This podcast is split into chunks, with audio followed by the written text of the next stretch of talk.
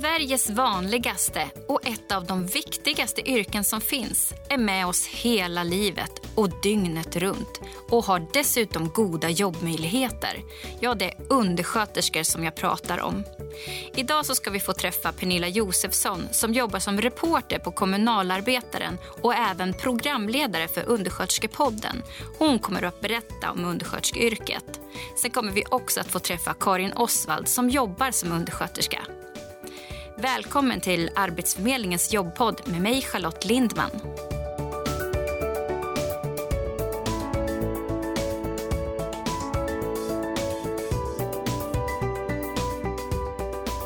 Då vill jag hälsa veckans gäst välkommen.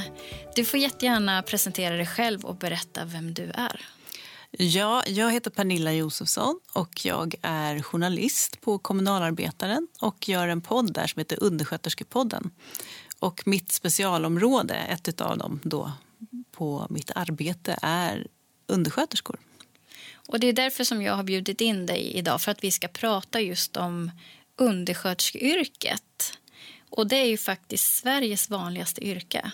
Ja, det är det det är närmare 200 000 personer som är undersköterskor i Sverige. Men då ska man veta att det kan vara många fler. För att eh, de här 200 000 det är bara de som på pappret är undersköterskor i sitt jobb. Och vi ska ju prata om både vad man kan göra som undersköterska och vi ska också få lyssna till en undersköterska som du har fått träffat när du har bland annat gjort podd eh, som berättar lite grann om sin väg till att bli undersköterska. Ja. Men jag tänkte vi ska börja med att prata om varför undersköterskeyrket är så viktigt. Ja, eh, egentligen är det konstigt att vi behöver prata om det. Men det är ju faktiskt så att det är många som inte riktigt förstår varför det är så viktigt. Utan undersköterskor så skulle i princip ingenting fungera i det här landet, om man ska hårdra det. För det är undersköterskor som tar hand om våra gamla. Det är kanske det man först tänker på. Men det är också undersköterskor som tar hand om väldigt många inom sjukvården.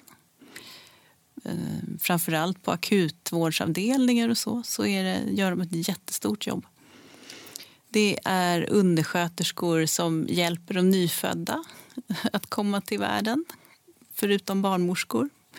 Det behövs väldigt mycket undersköterskor inom väldigt många områden.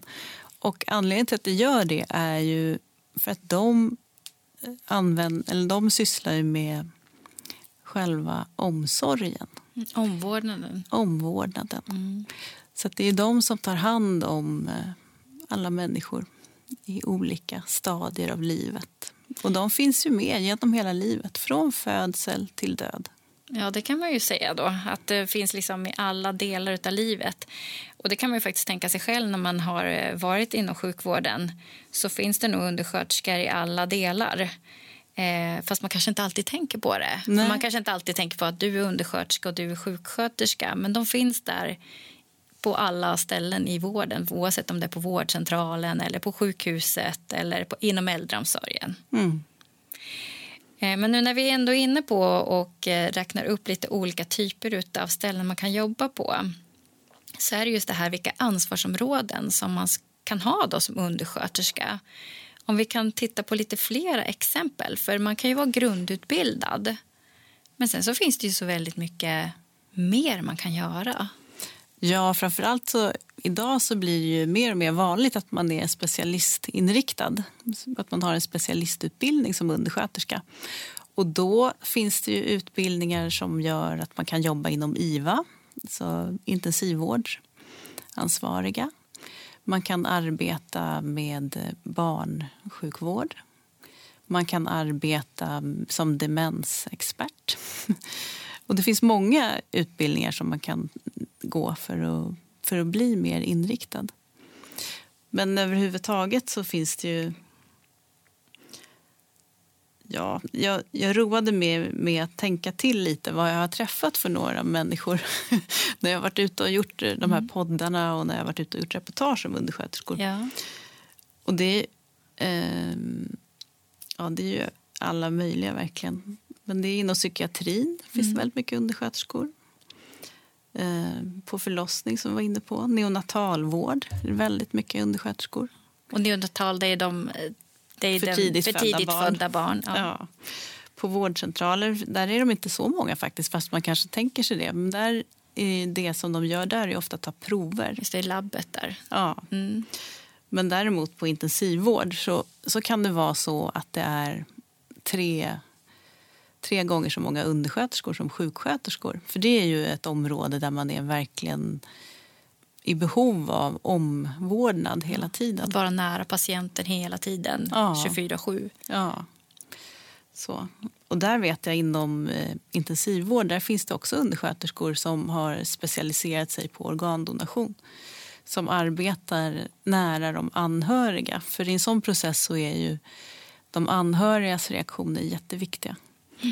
Um, och då är det undersköterskor som har den kontakten. Så att man kan säga att man kan jobba som grundutbildad undersköterska och det finns väldigt många olika områden att jobba inom. Men man kan också bli specialiserad inom olika typer av eh, kanske inom psykiatri som du var inne på, inom äldreomsorg, eh, kanske olika sjukdomar. Eh. Ja, precis. Det, där har du ju diabetes till exempel. Där är ganska vanligt att man vidareutbildar sig inom för att kunna arbeta med det. Men också eh, inom olika funktionshinder för att kunna stötta upp. Eller man kan vidareutbilda sig för att kunna arbeta med demenssjukdomar. Eh, och så. Men inom sjukvård då, så exempel på personer som jag har träffat, som jag har pratat med det är de som är ansvariga för sterilisera instrument. Den vägen kan man gå. Såransvariga på avdelningar när det handlar om smittskydd och liknande. Kostansvar, att man ansvarar för vad, vad, man ska äta, de som är inlagda, för att de ska må bättre. Eh, och också teknikansvariga och, och liknande. Så att man kan både utbilda, vidareutbilda sig som eh, undersköterska men man kan också ha väldigt många olika typer av ansvarsområden. Och Då antar jag att man går olika kurser och så vidare eller att man arbetar sig till den erfarenheten för att kunna få olika ansvarsområden. Ja, på, på många av sjukhusen finns det väldigt många internutbildningar som, som man kan gå och inom olika regioner. Så, men eh, ja, många har ju också erfarenhet från sitt yrkesliv som gör att de kan olika saker. I och med att det är så otroligt många som jobbar inom just hälso och sjukvård och man förstår ju att det behövs ju ännu flera. Alltså det, vi har ju, det är ju ett bristyrke, alltså ett yrke där det är för få som utbildar sig för att kunna jobba som undersköterska. Vi behöver ha flera. Eh, så ser ju ändå möjligheterna till arbete väldigt goda ut. Ja, verkligen. Det är ju ett av, det är statistik som ni har tagit fram, mm. såg jag för några veckor sedan. Ja. Att eh, undersköterskor är ett av eh, toppjobben om man verkligen vill vara säker på att få ett arbete i framtiden. Mm. Jag tänkte att vi ska eh, ta in Karin Osvald som du träffade för ett tag sedan. Och hon berättar om sin väg till att bli undersköterska. Och framför allt hon berättar ju från att hon kanske inte hade det helt spikrakt och lätt att bli undersköterska. För hon hade kommit upp en liten bit i sin ålder. Vi ska höra på vad hon har att säga.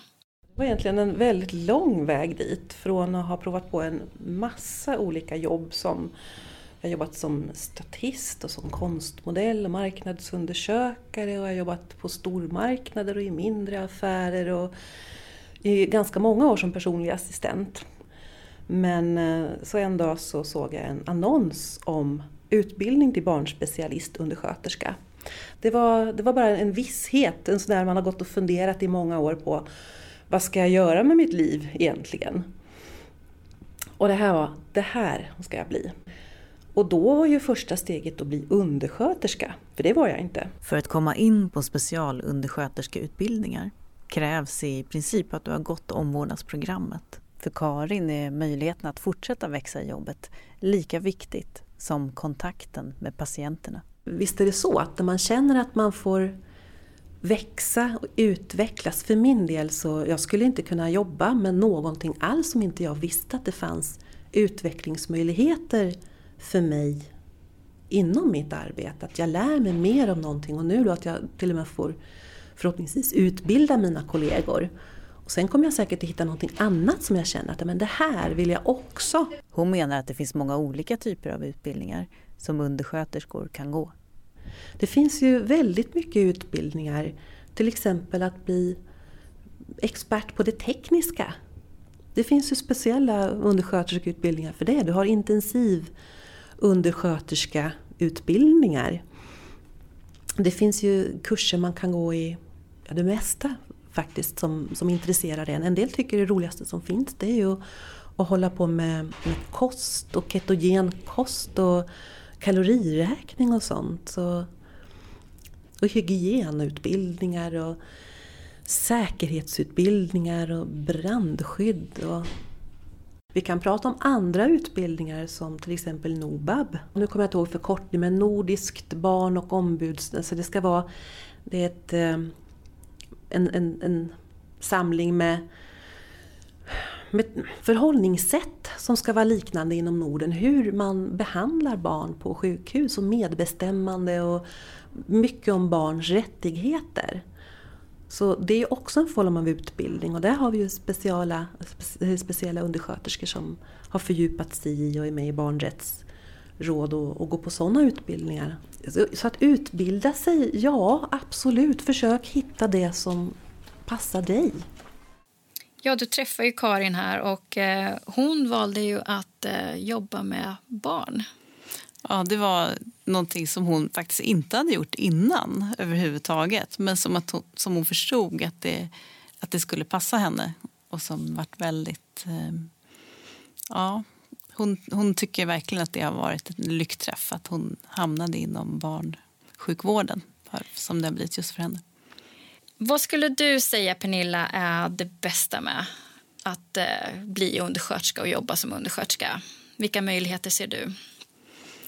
Ja, men framför allt är det ett väldigt brett yrke. Man kan välja väldigt, mycket, väldigt många olika inriktningar. Man kan... Eh, ja, men just att man kan välja vilken åldersgrupp man vill jobba med. Man kan eh, jobba med teknik, man kan jobba med... Ja, men det finns ett brett spektrum. Vilka är det då som skulle passa att jobba som undersköterska? För man behöver ju ha en hel del olika egenskaper. Eller... Många som jag träffar de de tycker väldigt mycket om att vårda. De tycker väldigt mycket om att vara nära patienten eller den gamla eller barnen. Ehm, och det är just det som, som krävs. Man måste ju vilja ha en personlig kontakt. Det är ju det grundläggande. Vi ska gå tillbaka till Karin igen eh, och hon ska berätta lite grann om just hennes syn på att jobba med barn och med vuxna. Det är en annan energi helt enkelt. Och likaså så är det ett annat, ett annat lugn, tycker jag. När jag tar ett prov på ett barn, då ska man först försöka vinna ett förtroende och man måste ta det lugnt, man måste läsa av. Ibland måste det bara göras. Och då handlar det ju tyvärr om att, att hålla och det vill vi inte på några villkor utan vi gör allt först för att slippa det. Det är iPad och det är sånger och det är såpbubblor. Det kan ta en timme. Men det får lov att göra det för att jag gör så otroligt mycket mer skada om jag skyndar på det här för resten av det här barnets framtid.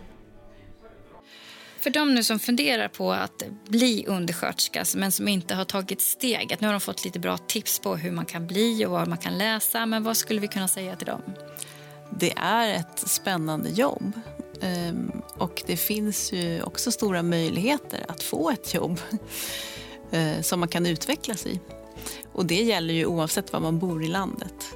Det är ju både Oavsett om man bor i glesbygd eller man bor i storstad så är det ett stort behov efter undersköterskor. Och eh, ja, många av de som jag har träffat de trivs verkligen med sina jobb. Tack så jättemycket Pernilla för att du kom hit och berättade om dina erfarenheter och att du besökte Jobbpodden. Tack så mycket.